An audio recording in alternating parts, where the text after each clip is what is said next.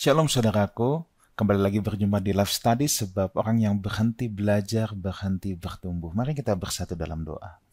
Bicara kepada kami, pribadi lepas pribadi, kami lapar dan haus akan kebenaran firman-Mu. Dalam nama Tuhan Yesus kami berdoa, amin.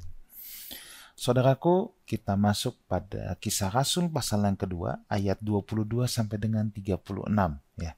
Kisah Rasul pasal yang kedua ayat 22 sampai 36. Mari kita akan mulai dari ayat yang ke-22 terlebih dahulu. Hai orang-orang Israel, dengarlah perkataan ini. Yang aku maksudkan ialah Yesus dari Nazaret seorang yang telah ditentukan Allah dan yang dinyatakan kepadamu dengan kekuatan-kekuatan dan mujizat-mujizat dan tanda-tanda yang dilakukan oleh Allah dengan perantaraan Dia di tengah-tengah kamu, seperti yang kamu tahu. Saudara, di sini Petrus mengawali khotbahnya dengan ucapan atau dengan ringkasan kehidupan Yesus.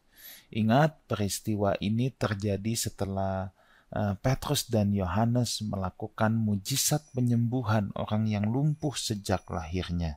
Ya, dan di sini uh, Petrus tidak menyia-nyiakan kesempatan ini. Ada hayalak ramah yang mendengarkan, maka diawali dengan Hai orang-orang Israel. Yang dimaksudkan adalah Yesus dari Nazaret. Petrus uh, menggunakan momen baik ini untuk memberikan ringkasan kehidupan Yesus Kenapa harus Yesus dari Nazaret? Sebab itu yang sudah dikenal secara umum, ya.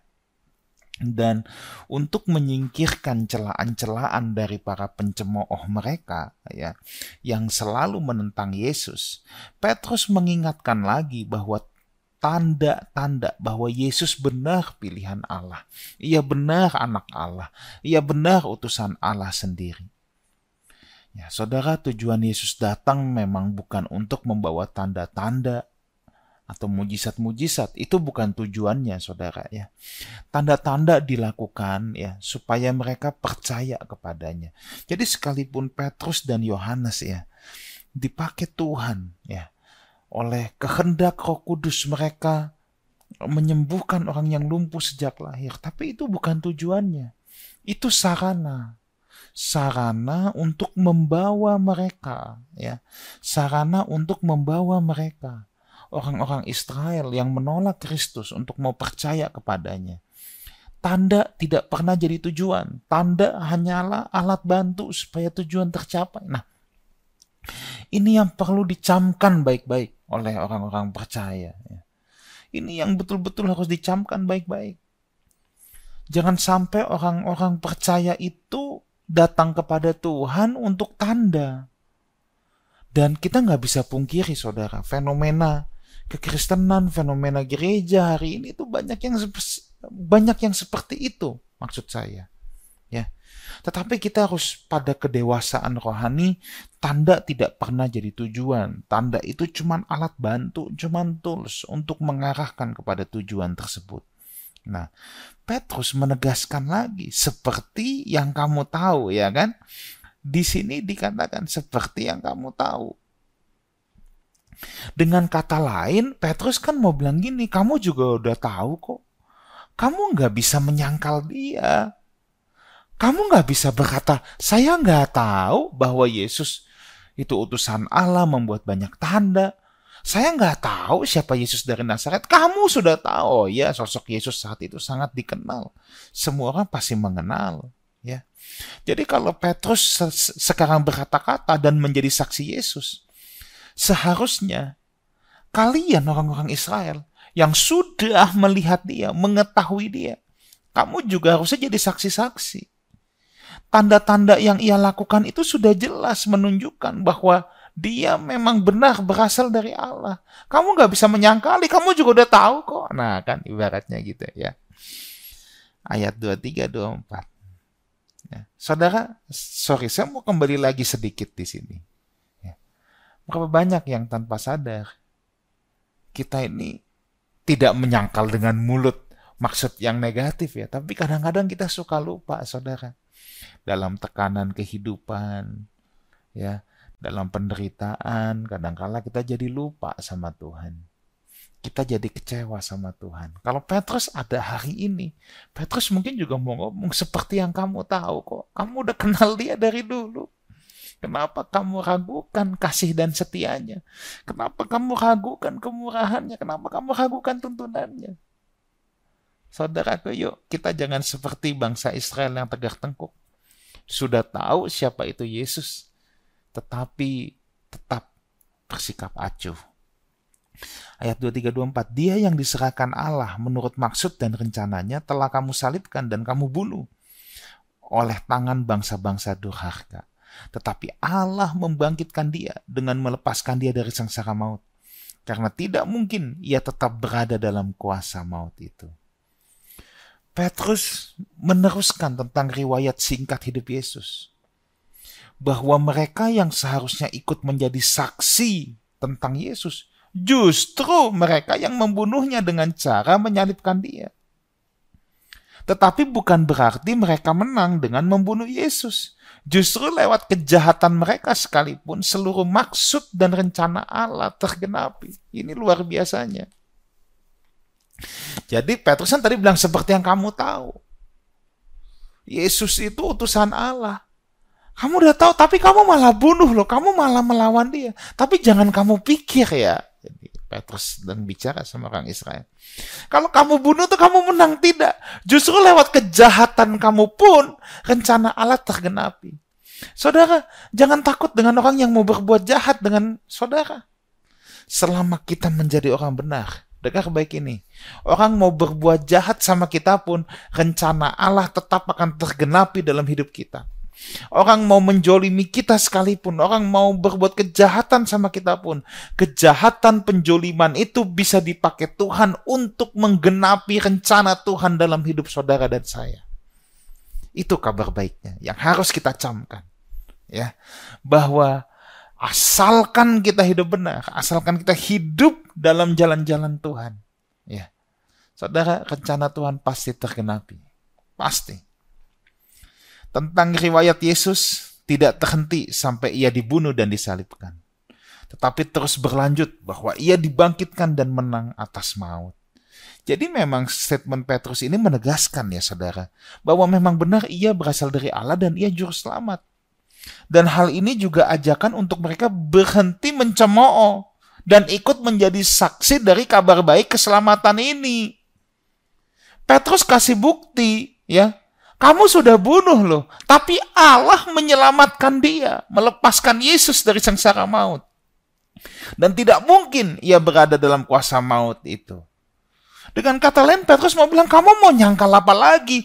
Kamu sudah bunuh rencana Allah tergenapi, bahkan Allah meloloskan Yesus, membangkitkan Yesus dari kematian. Kebangkitan Yesus adalah bukti bahwa ia menang atas maut. Ia juru selamat, ia berasal dari Allah, tidak dapat dipungkiri kebangkitan Yesus mengalahkan semua rencana busuk manusia terhadap dirinya. Saya ulang lagi, kebangkitan Yesus mengalahkan semua rencana busuk manusia atas dirinya. Ya. Jadi ingat sekali lagi, jangan takut dengan hal-hal jahat yang direncanakan orang, siapa pun kepada hidup kita. Ya. Karena melepaskan dari maut saja Tuhan bisa, Allah bisa, apalagi hanya melepaskan dari rencana jahat manusia. Allah pasti sanggup melakukannya. Ayat 25 sampai 28. Sebab Daud berkata tentang dia, Aku senantiasa memandang kepada Tuhan, karena ia berdiri di sebelah kananku, aku tidak goyah. Sebab itu hatiku bersuka cita, dan jiwaku bersorak-sorak, bahkan tubuhku akan diam dengan tentram, sebab engkau tidak menyerahkan aku kepada dunia orang mati, dan tidak membiarkan orang kudusmu melihat kebinasaan. Engkau memberitahukan kepadaku jalan kehidupan, engkau akan melimpahi aku dengan sukacita di hadapanmu. Saudara Petrus mengutip Daud. Ia tahu bahwa ia dan teman-temannya akan memulai sebuah pelayanan yang sukar dan penuh penderitaan. Ada empat poin secara cepat yang saya ingin bagikan ya. Bahwa di sini Petrus mau menyampaikan yang pertama Yesus telah bangkit dan ada bersama dengan mereka. Mereka tidak perlu goyah. Maut aja dikalahkan, saudara ya. Kenapa mereka harus goyah menghadapi penderitaan yang akan datang, yang akan menyongsong dan akan menimpa mereka? Ya. Yang kedua, mereka dapat bersuka cita dan bersorak-sorai karena realitas Kristus yang ada di dalam mereka. Ya. Di sini tadi dikatakan, engkau akan melimpai aku dengan sukacita. Apa alasan dia bersukacita? Alasan jemaat mula-mula, Petrus para rasul bersukacita adalah realitas Kristus yang ada dalam diri mereka. Secara daging, secara badani, tidak ada alasan untuk mereka bersukacita. Secara kondisi mereka dianiaya, mereka uh, dalam dalam tekanan yang begitu besar, gimana bisa sukacita? Ya kalau saudara dikasih emas batangan, dikasih mobil, menang undian, diajak jalan-jalan, tentu aja sukacita. Buat mereka apa yang bisa bikin mereka sukacita? Maka sukacita mereka itu karena realitas Kristus yang ada dalam mereka. Dan ini juga yang harus menjadi sukacita kita. Seharusnya sukacita kita itu bukan karena hal eksternal, dikasih hadiah dan lain sebagainya tadi. Sukacita kita harus datang dari dalam realitas Kristus yang ada di dalam diri kita. Ya. Jadi bukan soal kenyamanan dan penderitaan yang ada di sekitar mereka yang membuat mereka bersuka cita dan bersorak-sorai. Penderitaan tidak membuat mereka kehilangan sukacita, kenyamanan juga tidak membuat mereka bersuka cita. Realitas Kristus yang ada dalam diri mereka itu yang membuat mereka bersuka cita. Tetapi saudara, ya, realitas rohani ya kadangkala sulit untuk bisa menentukan sukacita kita. Kalau kita tidak tinggal benar-benar di dalam Kristus, sering kali kita lupa akan hal ini. Seharusnya realitas rohani di dalam kita itu yang menentukan keadaan luar kita. Ya. Hanya orang yang bergaul dengan Tuhan yang bisa merasakan hal tersebut. ayat yang ke hal yang ketiga maksud saya ya, hal yang ketiga sekarang. Mereka siap menghadapi penganiayaan karena mereka memiliki keyakinan dunia orang mati pun tidak dapat menguasai mereka. Ya, Kristus dibangkitkan. Mereka siap menghadapi penderitaan. Oke, dianiaya, mentok apa? Mati. Oke, dunia orang mati pun tidak bisa menguasai. Mereka punya kepercayaan, mereka punya iman. Allah yang membangkitkan Kristus akan membangkitkan mereka juga. Saudara, ini kalau udah kayak begini, itu udah nggak bisa bikin dosa lagi, udah nggak berbuat dosa lagi. Makanya firman Tuhan nanti dalam surat Petrus kita akan bahas ketika kita sampai di surat Petrus, orang yang menderita penganiayaan badani berhenti berbuat dosa. Ya gimana mikir dosa, saudara? Penga orang penganiayaan badani aja diterima kok. Tapi kenapa mereka jadi tidak takut, saudara, dengan aniaya badan? Ya. Karena dia melihat Kristus itu jelas-jelas bangkit. Oke, orang mau menganiaya mereka. Mentoknya apa sih kalau dianiaya? Dibunuh kan? Ah, Allah mau aja nggak berkuasa, kenapa jadi takut? Dan jadi kalau orang udah nggak takut menderita, saudara ya. Orang kalau nggak takut menderita, itu berarti realitas rohani yang ada dalam diri sangat kuat dan biasanya sudah nggak minat sama yang namanya dosa, ya. Sudah nggak minat. Orang kudus itu, saudara, bisa saja loh mengalami yang namanya aniaya penderitaan. Tapi orang kudus tidak akan mengalami kebinasaan. Itu yang harus kita camkan penderitaan-penderitaan yang dialami orang kudus itu hanya bisa menyentuh tubuh yang tadi saya katakan. Paling banyak membunuh tubuh. Itu pun kita mempercayai loh. Nyawa kita itu di tangan Tuhan. Yang bisa menghentikan hidup kita itu Tuhan. Ya. Seperti Sadrak Mesak Abednego mau ditaruh di dapur perapian api kalau Tuhan bilang waktunya belum selesai, perapian api pun tidak bisa membunuh mereka Daniel yang dibuang di gua singa kelaparan, kalau Tuhan bilang waktunya belum selesai, tidak bisa dibunuh juga, saudara. Ya. Tetapi satu hal gini, penderitaan hanya dapat menyentuh sampai tubuh, tetapi tidak bisa membinasakan roh. kita. Ya. Nah, mereka atau para saksi Kristus memberitakan jalan kehidupan. Mereka tahu apa itu jalan kehidupan dan itulah yang akan mereka bagikan. Ayat 29-30, Saudara-saudara, aku boleh berkata-kata dengan terus terang kepadamu tentang Daud, Bapak bangsa kita. Ia telah mati dan dikubur, dan kuburannya masih ada sampai hari ini. Tetapi ia adalah seorang nabi dan ia tahu bahwa Allah telah berjanji kepadanya dengan mengangkat sumpah bahwa ia akan mendudukan seorang dari keturunan Daud sendiri di atas tahtanya. Tidak diragukan, Daud adalah raja terbesar bagi orang Israel. Bendera Israel itu sampai hari ini tuh bendera bintang Daud. Di sini Petrus ingin menunjukkan bahwa Yesuslah Mesias yang dijanjikan itu. Sekalipun beda konsep dengan yang mereka pahami, Mesias seperti raja dunia, tapi ya, di sini ingin ditekankan bahwa Yesuslah yang dimaksudkan ya bahwa seorang dari keturunan Daud sendiri akan berdiri di atas tahtanya.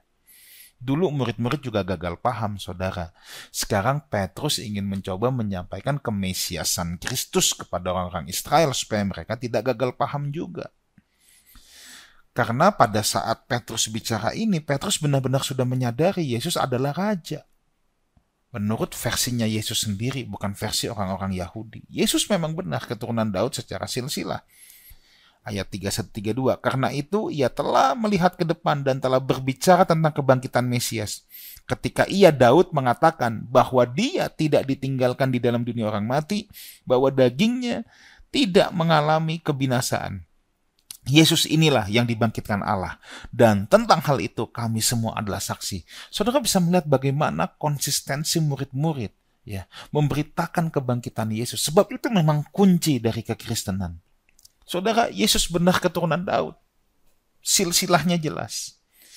Maka ketika Daud melihat janji Tuhan dalam 2 Samuel 7 ayat 12, bahwa tahta kerajaannya akan kokoh sampai selama-lamanya, itu menunjuk pada Kristus, saudara. Tahta kerajaan kokoh itu bukan pada Salomo, bukan. Bukan pada raja-raja dunia setelah Daud, bukan. Buktinya kerajaan Israel habis kok.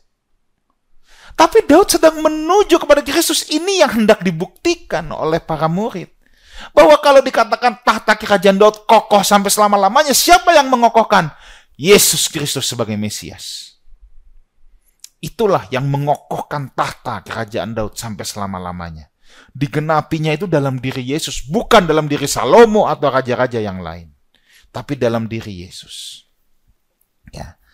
Oke, ayat 33 sampai 35. Dan sesudah ia ditinggikan oleh tangan kanan Allah dan menerima Roh Kudus yang dijanjikan itu, ya, maka dicurahkannya apa yang kamu lihat dan dengar di sini. Sebab bukan Daud yang naik ke surga, malahan Daud sendiri berkata, Tuhan telah berfirman kepada Tuanku, duduklah di sebelah kananku, sampai ku buat musuh-musuhmu menjadi tumpuan kakimu. Saudara, kebangkitan Kristus adalah untuk Kristus naik lebih tinggi lagi. Dan apa yang mereka saksikan adalah pencurahan Roh Kudus. Murid-murid tidak sedang mabuk. Ingat, uh, murid-murid sempat dituduhkan, oh ini nih orang-orang yang lagi mabuk nih, ya. Makanya di sini diulangi lagi Roh Kudus yang dijanjikan itu dicurahkan. Kamu lihat dan dengar di sini. Dengan kata lain, apa yang kamu lihat orang-orang Israel, kami tidak mabuk. Kami tidak mabuk, kami waras. Kalian bisa lihat sendiri bagaimana Tuhan memakai kami menyembuhkan orang yang lumpuh sejak lahirnya. Kalau kami mabuk, kami nggak waras, ya nggak mungkin. Kan begitu. Ya, kan begitu, saudara. Kami waras. Yang kami lakukan itu ya bahasa-bahasa asing yang Anda dengar itu bukan kami mabuk, itu pekerjaan Roh Kudus dan divalidasi oleh mujizat menyembuhkan orang yang lumpuh sejak lahir. Jangan kau katakan kami mabuk. Roh Kudus itu sudah dijanjikan dari sebelum kami berkata-kata dalam bahasa asing. Roh Kudus itu sudah dijanjikan oleh Yesus. Nah, makanya kebangkitan Kristus. Lewat penderitaan ada kebangkitan. Lewat kebangkitan Yesus naik lebih tinggi lagi. Ya. Lewat kematiannya ada kebangkitan. Lewat kebangkitan ada kemuliaan. Makanya orang Kristen harus mau mati untuk diri sendiri, sebab tanpa kematian untuk diri sendiri tidak ada kebangkitan. Tidak ada kebangkitan, tidak ada kemuliaan. Kematian untuk diri sendiri adalah untuk kebangkitan, kebangkitan adalah untuk kemuliaan. Kristus dibangkitkan untuk diangkat lebih tinggi lagi dalam kemuliaan. Di sini kita bisa melihat bagaimana kita tidak perlu takut, saudaraku ya, dengan apa yang namanya penderitaan. Di sini kita tidak perlu takut untuk apa yang namanya kematian daging. Sebab lewat itulah ujungnya Tuhan mau angkat saudara dan saya lebih tinggi lagi. Ya. Coba kita lihat di sini ayat yang terakhir, ayat yang ke-36. Jadi seluruh kaum Israel harus tahu dengan pasti bahwa Allah yang telah membuat Yesus yang kamu salibkan itu menjadi Tuhan dan Kristus. Saudara, ayat ini ada yang gagal paham dengan ayat ini. Ketika membaca ayat ini, Allah telah membuat Yesus yang kamu salibkan itu menjadi Tuhan dan Kristus. Ayat ini malah dipikirnya Yesus itu manusia yang dilantik jadi Tuhan. Saudara, itu sekte sesat itu bukan kekristenan, ya. Yesus itu Allah kekal. Yesus itu Allah sendiri kekal. Dari kekal sampai kekal, Yesus tidak diciptakan. Ada pandangan saksi Yehova ya. Kalau saksi Yehova itu kan Bapak menciptakan Yesus. Yesus menciptakan semuanya. Jadi kata eh, Yesus itu permulaan ciptaan. Jadi ada Allah mayor, ada Allah minor. Tapi sekarang ini ada yang lebih parah lagi dari saksi Yehova ya. Yang mengajarkan bahwa Yesus itu manusia biasa. Diisi logos lalu dilantik jadi Tuhan. Wah ini sesatnya lebih ngawur lagi saudara ya. Dan saya mau encourage saya mau mengingatkan kita jangan gagal paham kita jangan terpengaruh dengan ajaran-ajaran yang seperti itu yang dikatakan di sini bahwa jadi seluruh kaum Israel harus tahu dengan pasti bahwa Allah telah membuat Yesus yang kamu salibkan itu menjadi Tuhan dan Kristus. Yang dimaksudkan di sini adalah penggenapan segala sesuatu ya telah terjadi. Dulu-dulu ingat ya, murid-murid itu kan selalu tidak diizinkan untuk ngomong bahwa dia tuh Mesias. Ya, jadi saudara paham konteksnya ya. Ingat nggak? Dulu kalau Yesus berbuat ses, uh, berbuat sesuatu, Yesus suka bilang sama murid-muridnya, iya kan, bahwa jangan kasih tahu orang-orang bahwa dia Mesias. Tapi sekarang ini sudah waktu penggenapan bahwa dialah Tuhan, dialah Mesias. Dengan seluruh rangkaian mujizat yang murid-murid lakukan, kebangkitan yang Bapak kerjakan. Eh, kamu nggak bisa nyangka lagi. Ini loh Tuhan. Ini loh bahwa Yesus itu Tuhan. Yesus itu Kristus yang diurapi. Yesus itulah Mesias. Nah, begitu maksudnya saudara. Ya. Jadi ini konteksnya ini bukan Yesus itu manusia yang dilantik jadi Mesias, bukan. Tapi mereka dulu gagal paham. Dulu murid-murid nggak boleh kasih tahu. Tapi sekarang murid-murid boleh berterus terang. Tuh, lihat kan? Yesus dari Nazaret yang kamu salibkan, memang benar dia Mesias. Kamu nggak bisa menyangkali lagi. Itu maksud ayat ini, saudara. Ya, jadi jangan gagal paham. Tetapi lewat pembelajaran hari ini satu perkara penting yang saya mau encourage kita semua, saudara ya, bahwa rencana jahat manusia, ya, kita tidak perlu takut melepaskan dari maut saja Tuhan bisa, apalagi melepaskan diri dari rencana jahat manusia. Hal yang kedua, sekalipun rencana jahat orang lain di, uh, menyerang diri kita, ditetapkan kepada diri kita atau diterapkan kepada diri kita. Tetapi dengar baik ini, rencana jahat itu pun Tuhan bisa ubah menjadi kendaraan untuk menggenapi rencana Allah dalam hidup kita tetap setia dalam Tuhan, tetap kuat, hidup dalam kebenaran, bersahabat dengan Tuhan sampai pada akhirnya. Tuhan Yesus memberkati kita semua. Amin. Mari kita berdoa. Metraikan apa yang menjadi kebenaran firman-Mu dalam loh hati anak-anak-Mu. Dalam nama Tuhan Yesus kami berdoa. Amin. Saudaraku, sampai jumpa di live study yang akan datang sebab orang yang berhenti belajar berhenti bertumbuh. God bless you.